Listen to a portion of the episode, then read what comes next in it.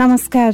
Radio कार्यक्रम स्वास्थ्य सन्देशमा स्वागत छ। म बिना उपाने स्वास्थ्य सन्देशमा हामीले तपाईँलाई नै स्वस्थ बनाउन तपाईँ हाम्रै स्वास्थ्यमा देखिने समस्या अनि समाधान खोज्ने प्रयास गर्नेछौँ। रेडियो क्यान्डिडेट बयानब्बे दशमलव सात मेगाहर्जमा कार्यक्रम स्वास्थ्य सन्देश। तपाईँले हाम्रो website W W W dot radio candidate dot com हाम्रो आधिकारिक फेसबुक पेज रेडियो क्यान्डिडेटको एप्स डाउनलोड गरेर तथा पोडकास्टमा समेत सुन्न सक्नुहुनेछ। तपाईँलाई धेरै थकै लाग्छ शरीर पनि दुख्छ धेरै रोग लागे जस्तो अनुभव हुन्छ। यदि यस्तो अनुभव तपाईँलाई भएको छ भने भिटामिन डीको कमी भएको हुनसक्छ भिटामिन डीको कमीले अनेक खालका रोग लाग्छन्। नेपालमा पछिल्लो समय भिटामिन डीको कमीले धेरैलाई सताएको छ। अनेक किसिमका रोग लागेपछि कोही नसा रोगको शङ्कामा न्युरोलोजिस्ट कहाँ पुग्छन् त कोही हार्ट जोड्ने मधुमेह थाइराइडको उपचार गर्न अस्पताल पुगिरहेका हुन्छन्। मधुमेह नसा सबै सामान्य हुन्छ। परीक्षण गर्दै जाँदा सबैभन्दा पहिलो नम्बरमा देखा पर्छ भिटामिन डीको कमी। त्यसैले आजको स्वास्थ्य सन्देशमा हामी यसै विषयमा केन्द्रित हुँदैछौँ। मलाई थकाइ लाग्यो मेरो मांसपेशी दुखेको छ अथवा हामीले चाहिँ कुनै जाँचहरू गर्दाखेरि चाहिँ जस्तै क्याल्सियम लेभल कमाइदिन्छ क्या तपाईँको? क्याल्सियम लेभलहरू कमाउँछ अथवा फोस्फोरस लेभलहरू कमाउँछ। त्यसबाट पनि हामीले चाहिँ शङ्का गर्छौँ मान्छेको भिटामिन डी कमी भइरहेको छ। आजको कार्यक्रममा हामीले जानकारी र टिप्स राखेका छैनौँ। आजको कार्यक्रम कुराकानीमा नै केन्द्रित हुनेछ। रेडियो क्यान्डिडेट बयानब्बे दशमलव सात मेगा हर्जमा कार्यक्रम स्वास्थ्य सन्देश। तपाईँले हाम्रो website W W W dot radio candidate dot com हाम्रो आधिकारिक फेसबुक पेज रेडियो क्यान्डिडेटको एप्स डाउनलोड गरेर तथा पोडकास्टमा समेत सुन्न सक्नुहुनेछ। पछिल्लो समय भिटामिन डीको समस्या भयावह बन्दै गएको छ। बदलिँदै गएको जीवनशैलीले भिटामिन डीको कमी हुने समस्या निम्त्याएको चिकित्सकले बताएका छन्। यो समस्या घरभित्रै काम गर्ने र सूर्यको प्रकाश शरीरमा नपर्नेहरूमा बढी देखिएको छ। पछिल्लो समय नेपालमा विभिन्न भिटामिनको अवस्था परीक्षण हुन थालेपछि पनि नेपालीहरूमा भिटामिन डीको कमी पहिचान हुन थालेको चिकित्सकले बताएका छन्। त्यो भन्दा पनि घरभित्र नै काम गर्ने चलन बढ्दै गएकाले यो समस्या पनि बढेको हुन सक्ने उनीहरूको अनुमान छ। नेपालमा भिटामिन डीको अवस्थाबारे अध्ययन नभएकाले एकिन तथ्याङ्क भने सार्वजनिक हुन सकेको छैन। विश्व स्वास्थ्य संगठनले नसर्ने रोग मध्ये भिटामिन डीको कमी विश्वव्यापी समस्या बनेको जनाएको छ। पहिला युरोपियन मुलुक र केही विकसित मुलुकमा सीमित भएको यो समस्या। पछिल्लो समय विश्वभर फैलिएको विश्व स्वास्थ्य संगठन डब्लुएचओले जनाएको छ। नेपालमा भिटामिन डीको अवस्थाबारे यकिन तथ्याङ्क भने सार्वजनिक हुन सकेको छैन। थप प्रस्ट्याउनको लागि हामीले वीर अस्पतालमा कार्यरत जनरल फिजिसियन डाक्टर मिलन खड्कासँग कुराकानी गर्दैछौँ। स्वागत छ डाक्टर स्वास्थ्य सन्देशमा। हजुरलाई पनि धन्यवाद। बोलाएर केही शब्दहरू जुन भिटामिन डी त अहिले एकदमै उर्लदो समस्या देखाएको छ मान्छेहरू यसको बारेमा धेरै कुराहरू हामी बिरामीहरूले जिज्ञासा पनि गर्छन् होइन? यो टपिक चाहिँ एकदमै अहिलेको एकदमै उदाउदो टपिक हो। यसमा केही बोल्न दिनुभएको म पनि हजुरलाई धन्यवाद दिन चाहन्छु। पछिल्लो समय किन यति धेरै नेपालीलाई भिटामिन डीको कमी भएको? पछिल्लो समयमा चाहिँ यो चाहिँ अब अहिले विश्वव्यापी समस्या नै जस्तो देखिन्छ हजुरको होइन? किनभने अहिले हजुरले विभिन्न मेडिकल साइटहरू जस्तै एउटा पबमेट भन्ने एउटा साइट छ त्यहाँ हेर्नुभयो भने असी हजारभन्दा बढी तपाईँको लेखहरू पाउनुहुन्छ भिटामिन डी रिलेटेड है। अब यो चाहिँ विश्वव्यापी समस्याको रूपमा पनि आएको छ। त्यसमा नेपालमा पनि झन् बढी मात्रामा छ यो। नेपालमा पनि अब नेपालमा अब हेर्दाखेरि हजुरको यो तथ्याङ्क एक्ज्याक्ट छैन तर डिफ्रेन्ट स्टडिजहरू चाहिँ भएको छ नेपालमा हजुरको। जस्तै एउटा पूर्वमा टु थाउजन्ड सेभेन्टिनतिर एउटा स्टडी हुँदाखेरि चाहिँ लगभग त्यहाँ आएको बिरामीमा सेभेन्टी थ्री पर्सेन्ट जति बिरामीलाई चाहिँ भिटामिन डीको कमी देखिएको तथ्याङ्क हामीले देख्न सक्छौँ। त्यस्तै गरी यहाँ काठमाडौँमा टु थाउजन्डतिर भएको एउटा स्टडीमा चाहिँ फिफ्टी सेभेन पर्सेन्ट जति नेपालीलाई चाहिँ जुन त्यो डाटामा संलग्न बिरामीहरूलाई चाहिँ भिटामिन डी कमी देखिएको छ। अनि त्यसमा पनि अलिक बढी मात्रामा चाहिँ पुरुषभन्दा बढी महिलामा चाहिँ भिटामिन डी कमी देखेको तथ्याङ्कले बताउँ। यो महिलामा नै कमी हुनुको कारण चाहिँ के हो? अब महिलामै हुनुपर्ने कम हुने कारण चाहिँ अब यसमा चाहिँ पहिलो मुख्य कारण चाहिँ चाहिँ अब खानपिन र भिटामिन डी भएको खानपिनको कमीले नै देखिन्छ। सबभन्दा पहिलो चाहिँ होइन अब हाम्रो एक नम्बर कारण चाहिँ त्यही देखिन्छ। अब अरू कारण चाहिँ चाहिँ अब जुन हाम्रो महिलाहरूको चाहिँ अब विभिन्न प्रकारको हर्मोन हुन्छ जुन एस्ट्रोजन हर्मोन हुन्छ त्यो बनाउन पनि भिटामिन डी चाहिँ आवश्यक पर्छ होइन? त्यसले गर्दा पनि त्यो चाहिँ अरू हर्मोनहरू बनाउन कन्ज्युम हुने कारणले चाहिँ भिटामिन डी चाहिँ अलिकति कमी देखिन्छ। जस जस्तै पुरुषको हर्मोनहरू बनाउँदाखेरि चाहिँ खासै भिटामिन डीको आवश्यकता पर्दैन। यही मुख्य चाहिँ यही कारण हो। अब अरू कारण चाहिँ हजुरको अब पर्याप्त मात्रामा एक्सपोज नहुने सूर्यमा घाममा एक्सपोज नहुने अथवा हाम्रो हाम्रो फेरि घरहरूको बनावटै कस्तो बनाएको हुन्छ नि? घाम घामभित्र चाहिँ घरभित्र चाहिँ घाम नछिर्ने तरिकाले बनाएको छ नि हाम्रो घरहरूको पुरानो बनावट त्यही कारणले चाहिँ महिलाहरूमा भिटामिन डीको कमी देखिएको बढी मात्रामा अब यो पछिल्लो समय जुनसुकै खालको समस्या लिएर अस्पताल गयो भने पनि भिटामिन डीको कमी नै पहिलो नम्बरमा देखा पर्ने गरेको छ क्या डाक्टर साहब होइन? अब यो भिटामिन डीको खास काम चाहिँ के के हो? अब भिटामिन डी चाहिँ एकदमै ठुलो काम छ यसको शरीरमा होइन? यो चाहिँ हाम्रो मुख्यतः चाहिँ यसले हाम्रो बोन होइन? बोनको उसको लागि स्वास्थ्यको लागि बोन स्वास्थ्यको लागि एकदम महत्त्वपूर्ण उ गर्छ। अरू मांसपेशी मसल मसलको लागि पनि एकदम इम्पोर्टेन्ट काम गर्छ। र यसले इम्युनिटी इम्युनिटी इम्युन चाहिँ इम्युनिटी बलले बनाउनको लागि चाहिँ एकदम महत्त्वपूर्ण रोल खेल्छ। र यसले चाहिँ अब विभिन्न स्टडिजहरूले के देखाएको छ भने अहिले भिटामिन डी कमी भएको मान्छेमा चाहिँ विभिन्न प्रकारको रोगहरू लाग्ने सम्भावना इभन कोभिडमा पनि पछिल्ला तथ्याङ्कहरूले र पछिल्ला स्टडिजहरूले के देखाएको छ भने इभन भिटामिन डी कमी भएको मान्छेमा चाहिँ कोभिड भइहाल्ने र कोभिड हुँदाखेरि पनि अलिकति सिरियस खालको कोभिड है? भएको हाम्रो तथ्याङ्क अथवा रिसर्चहरू देखाउँछ र अरू अरू रोग जस्तै क्यान्सर इभन अरू डायबिटिजहरू यस्ता रोगहरू लागेको अथवा लाग्न सक्ने सम्भावना पनि बढी मात्रामा देखिन्छ हजुरको अहिले यो भिटामिन डीको कमी कारणले। अब समस्या जुनसुकै खालको भएर अस्पताल गए पनि कमी चाहिँ भिटामिन डीको नै देखिने भयो। अब आफूलाई कतिपय अवस्थामा त अब सामान्य अवस्था हो भनेर अस्पताल नगइकन अब आफ्नो नियमित काम गरिरहेको पनि हुनुहुन्छ क्या? उहाँहरूले थाहा पाउनको लागि चाहिँ अब कसरी थाहा पाउन सक्नुहुन्छ? मलाई भिटामिन डी कमी भइरहेछ भनेर। अब यो भिटामिन डीको लक्षणहरू चाहिँ एकदम भेरिएबल हुन्छ क्या? जस्तै अब भिटामिन डीको कुनै पनि मान्छे भिटामिन डी कमी भएको लक्षण कुनै पनि नहुन सक्छ है? अब प्रायः जस्तो चाहिँ मान्छेमा लक्षण नहुन पनि सक्छ। र बिस्तारै घट्दै गएपछि क्रमिक रूपमा गर्दै गएपछि विभिन्न प्रकारको लक्षणहरू आउँछ है? लक्षणहरू चाहिँ कहिले चाहिँ हामी डाइरेक्ट बिरामीले आफैले प्रकाश गर्छन् भने मतलब मलाई थकाइ लाग्यो मेरो मांसपेशी दुखेको छ होइन?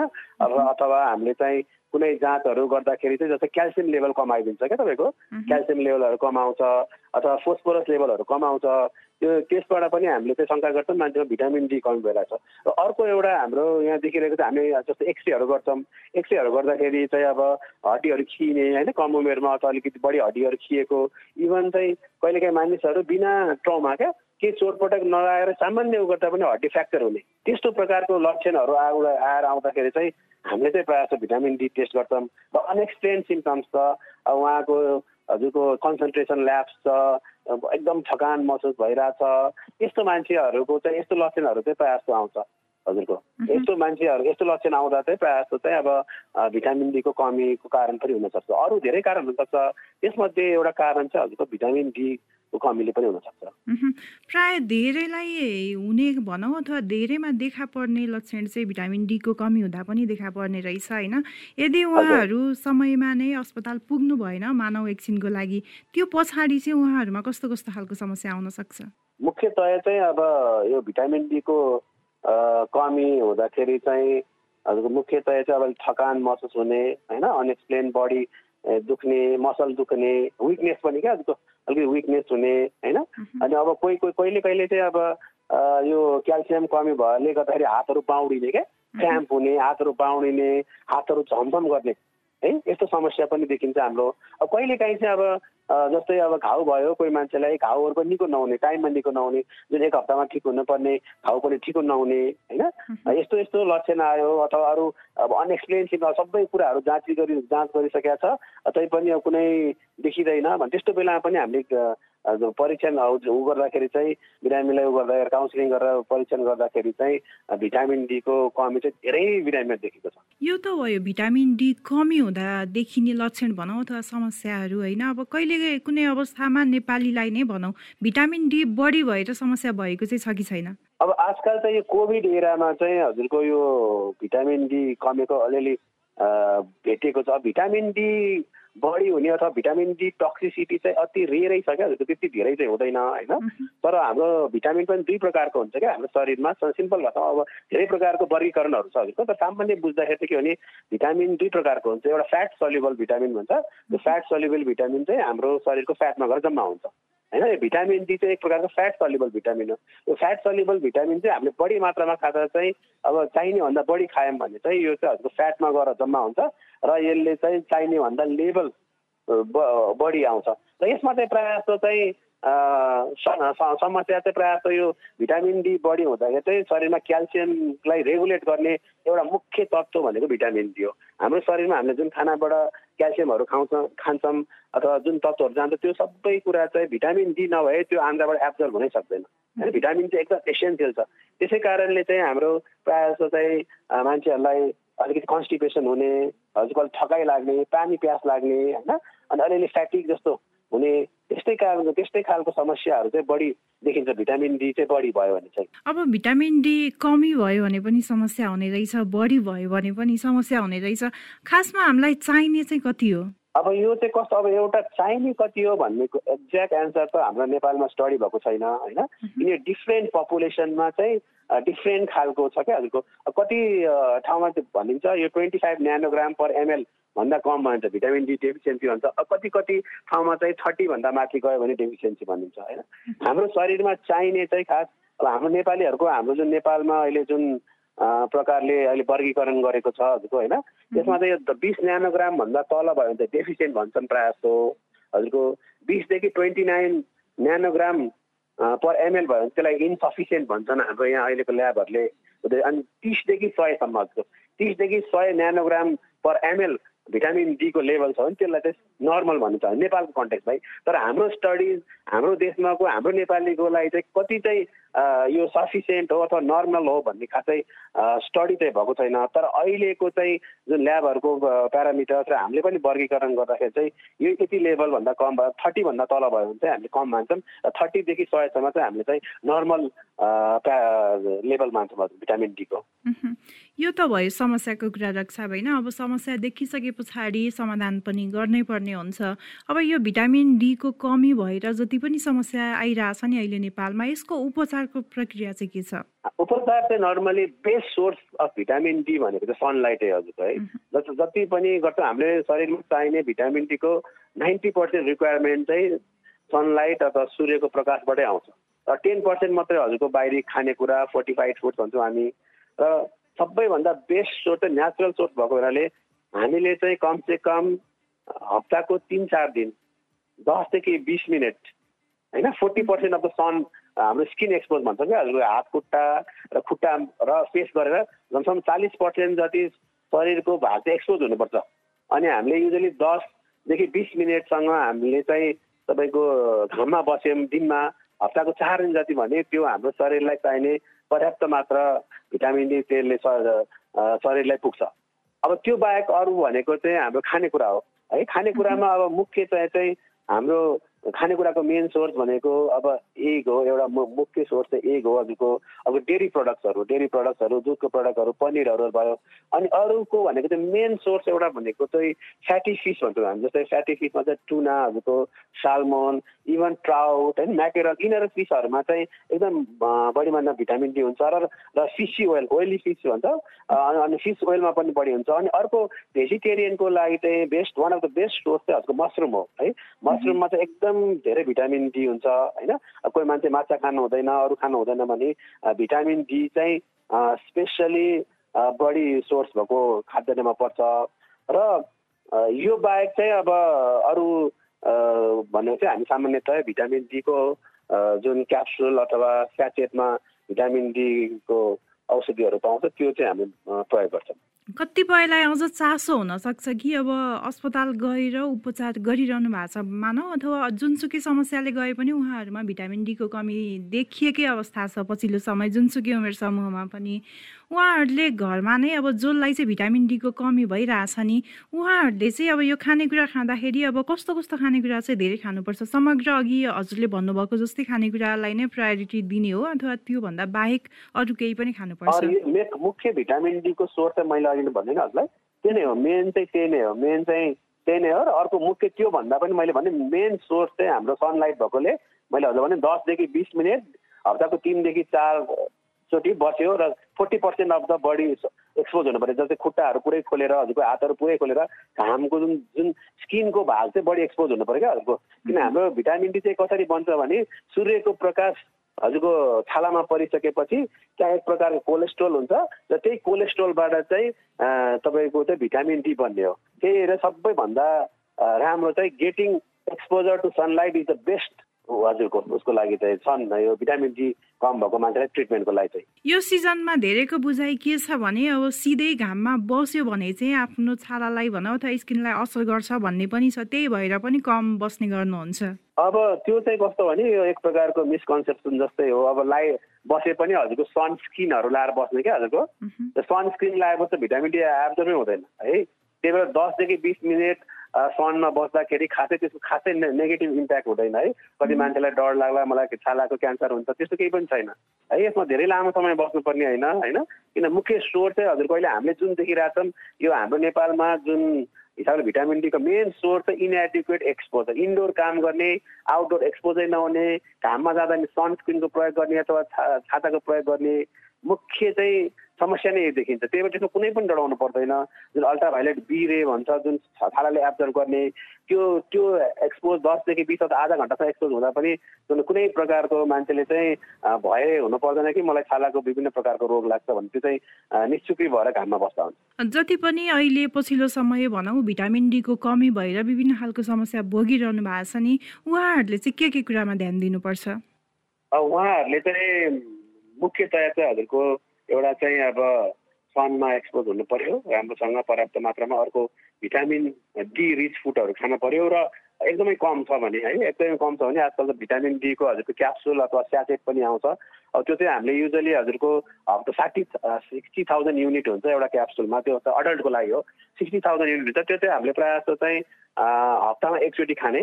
हप्तामा एकचोटि खाइसकेपछि हजुरको त्यो आठदेखि बाह्र हप्ता खाइसकेपछि चाहिँ त्यो एउटा थर्टी भने नि अहिले हजुर लगेर थर्टीदेखि हन्ड्रेड नानोग्राम पर एमएल त्यो लेभल चाहिँ आउँछ प्रायः जस्तो है। अनि त्यसपछि चाहिँ फेरि रिटेस्ट गर्न सकिन्छ अथवा महिनामा एकचोटि होइन महिनामा एकचोटि खायो भने पनि तपाईँको लगभग हाम्रो शरीरलाई चाहिने भिटामिन डीको लेभल पुग्छ।